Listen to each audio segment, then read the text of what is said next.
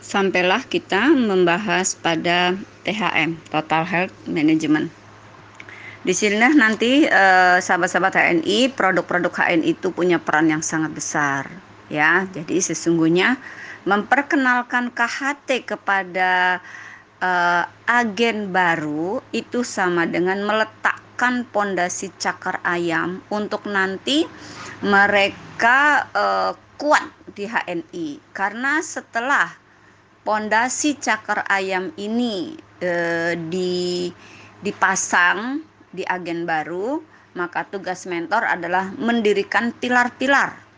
Ya, jadi kalau Anda e, memiliki agen baru e, mau 10, 12, 15, 24, mau 6 ya.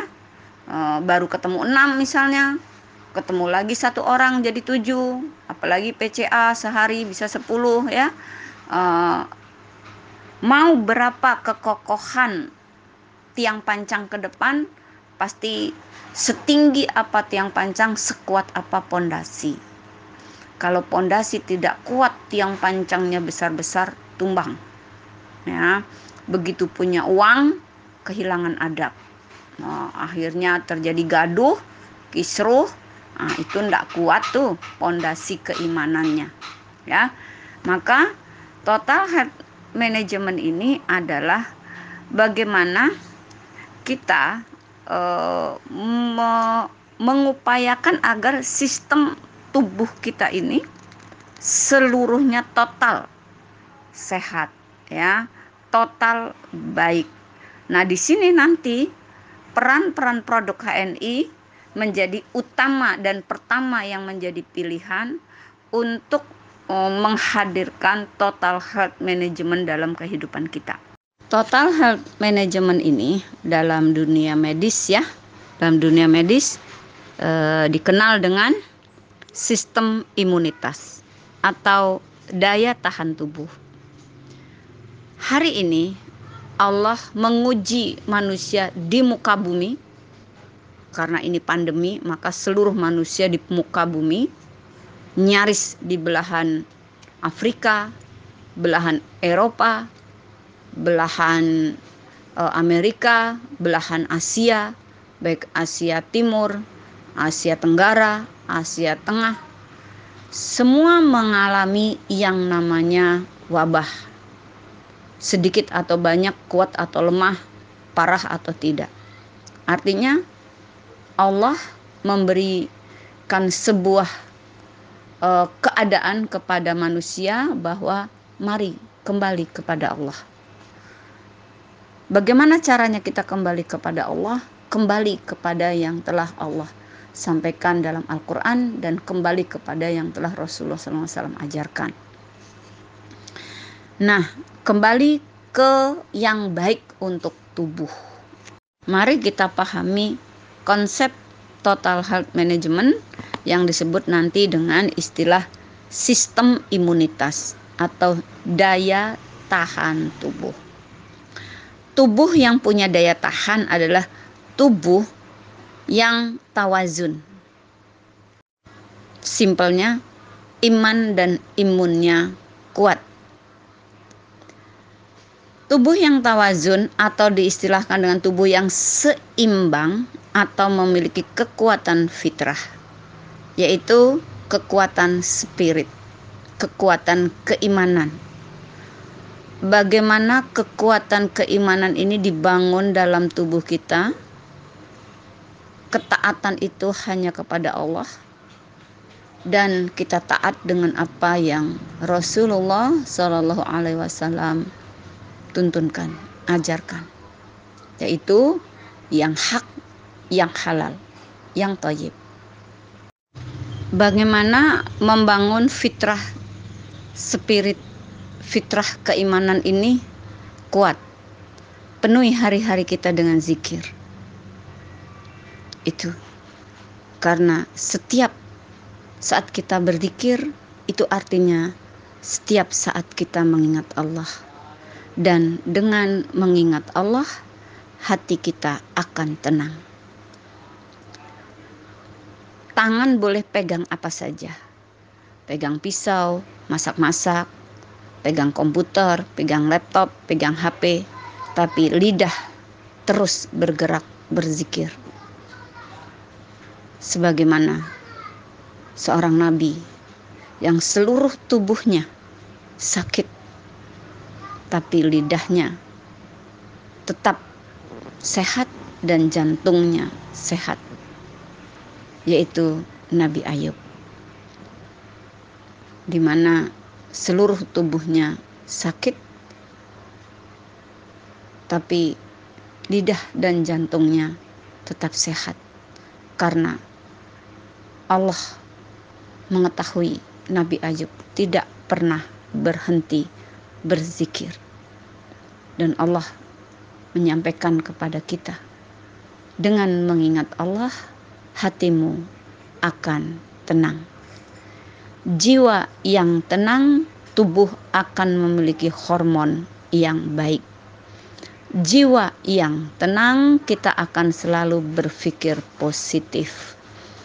Yang selalu berpikir positif terhadap yang negatif sekalipun, maka kita tidak resah, kita tidak gelisah, kita tidak cemas.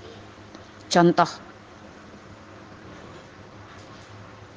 anak kita marah. Anak kita meminta sesuatu yang kita nggak sanggup. Saat memandangnya, lakukan dengan senyum dulu. Senyum bersyukur Allah memberi kita anak. Di saat Anda memandang anak Anda yang sedang marah, di luar sana ada orang yang program hamil ratusan juta bahkan sudah berkali-kali ke Singapura mengupayakan bayi tabung ratusan juta. Belum punya anak. Tapi Anda di depan Anda ada seorang buah hati yang sedang marah sedangkan dia adalah aset dunia akhirat Anda maka pandanglah dia dengan tersenyum katakan dalam hati dia marah karena dia minta perhatian kita. Simpelnya iman dan imunnya kuat. Tubuh yang tawazun atau diistilahkan dengan tubuh yang seimbang atau memiliki kekuatan fitrah yaitu kekuatan spirit, kekuatan keimanan, bagaimana kekuatan keimanan ini dibangun dalam tubuh kita. Ketaatan itu hanya kepada Allah dan kita taat dengan apa yang Rasulullah Shallallahu Alaihi Wasallam tuntunkan, ajarkan, yaitu yang hak, yang halal, yang toyib. Dengan langsung mengingat Allah, ya Allah, engkau sedang memintaku untuk beramal soleh. Maka beri petunjuk ya Allah bagaimana cara aku melakukan. La haula wala quwata illa billah. Tak ada daya upaya kita kecuali dari Allah. Insya Allah Allah akan memberikan jalan keluar. Lakukan segera, jangan ditunda. Dan hasilnya biarlah Allah. Itu spirit jiwa. Bagaimana kita melatih jiwa ini? Ikhlas pasrah dan senantiasa berprasangka baik atas segala ketentuan dari Allah Subhanahu wa taala. Maka bila kita banyak berzikir, akan lahir perasaan yang tenang, akan muncul kesabaran, akan mampu melakukan sesuatu yang positif dan baik, dan akan lahir ketabahan, dan kita akan punya optimis yang kuat dalam segala hal. Maka menguatkan kekuatan imunitas tubuh salah satunya adalah dengan melahirkan jiwa yang tenang. Salat lima waktu, tepat waktu, akan melahirkan jiwa yang tenang. Karena kalau belum sholat, jiwa ini gelisah. Maka dahulukan sholat, baru melakukan tugas-tugas tugas-tugas rutinitas sebagai agen HNI. Kemudian tambahkan dengan sholat sunnah.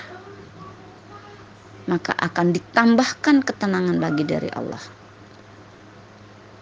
Kekuatan fitrah dari sisi jiwa itu yang akan membedakan antara kita dengan orang lain.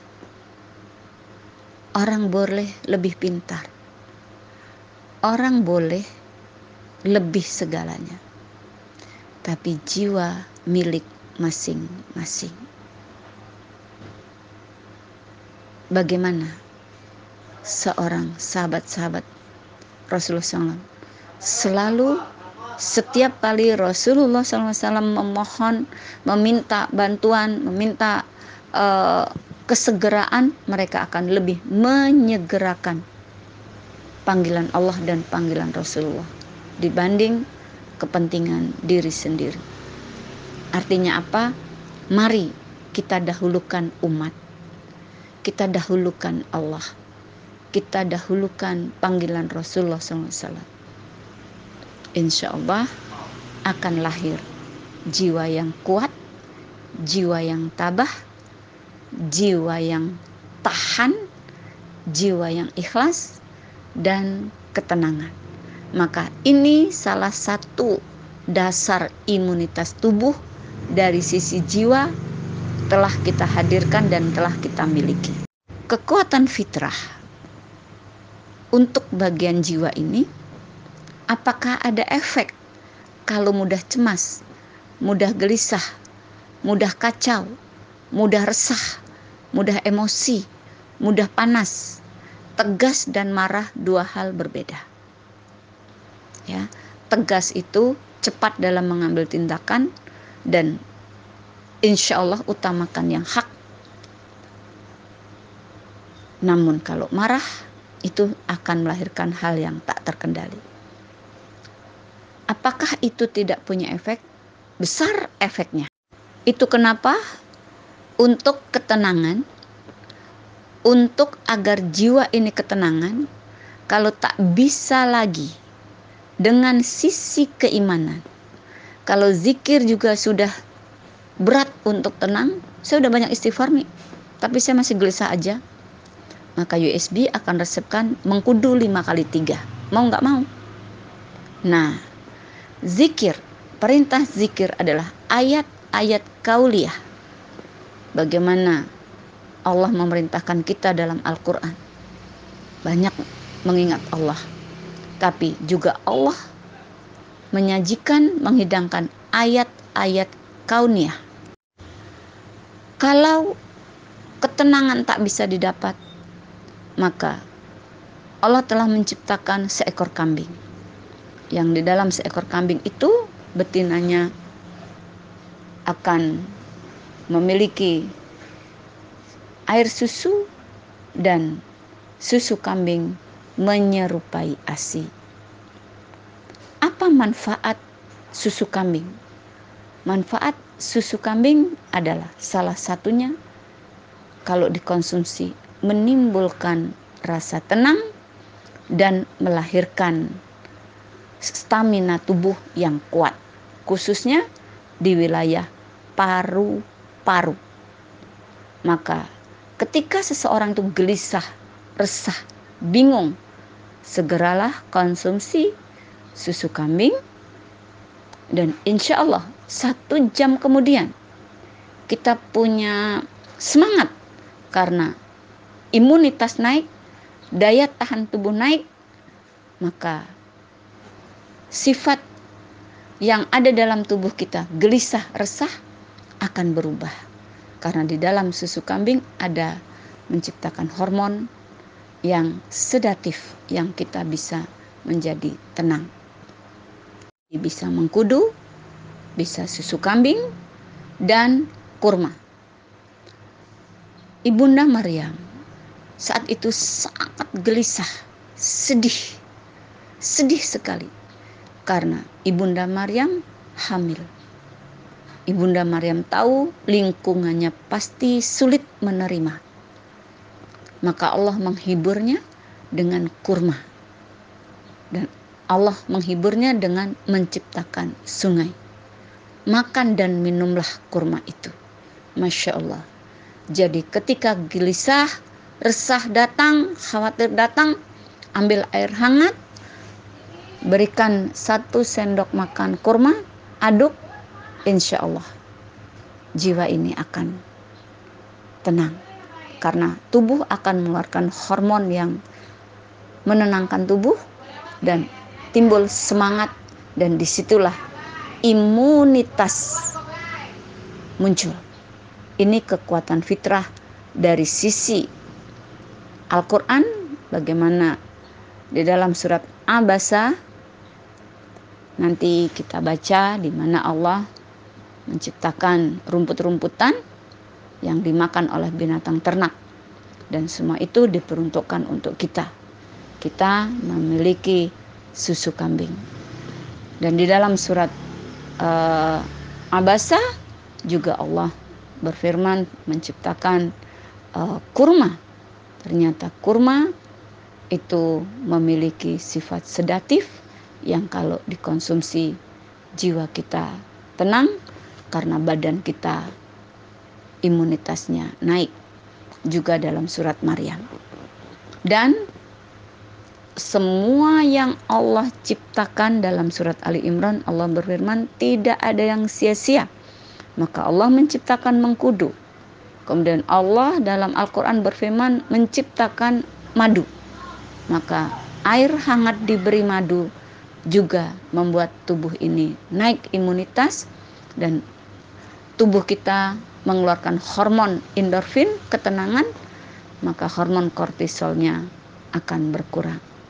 Maka madu, mengkudu, kurma, kemudian susu kambing masih ada lagi, yaitu ketika Bapak Ibu mengkonsumsi jahe, maka jahe ini akan menaikkan imunitas yang membuat tubuh kita nanti meningkat daya tahan tubuhnya dan jahe meninggalkan rasa hangat.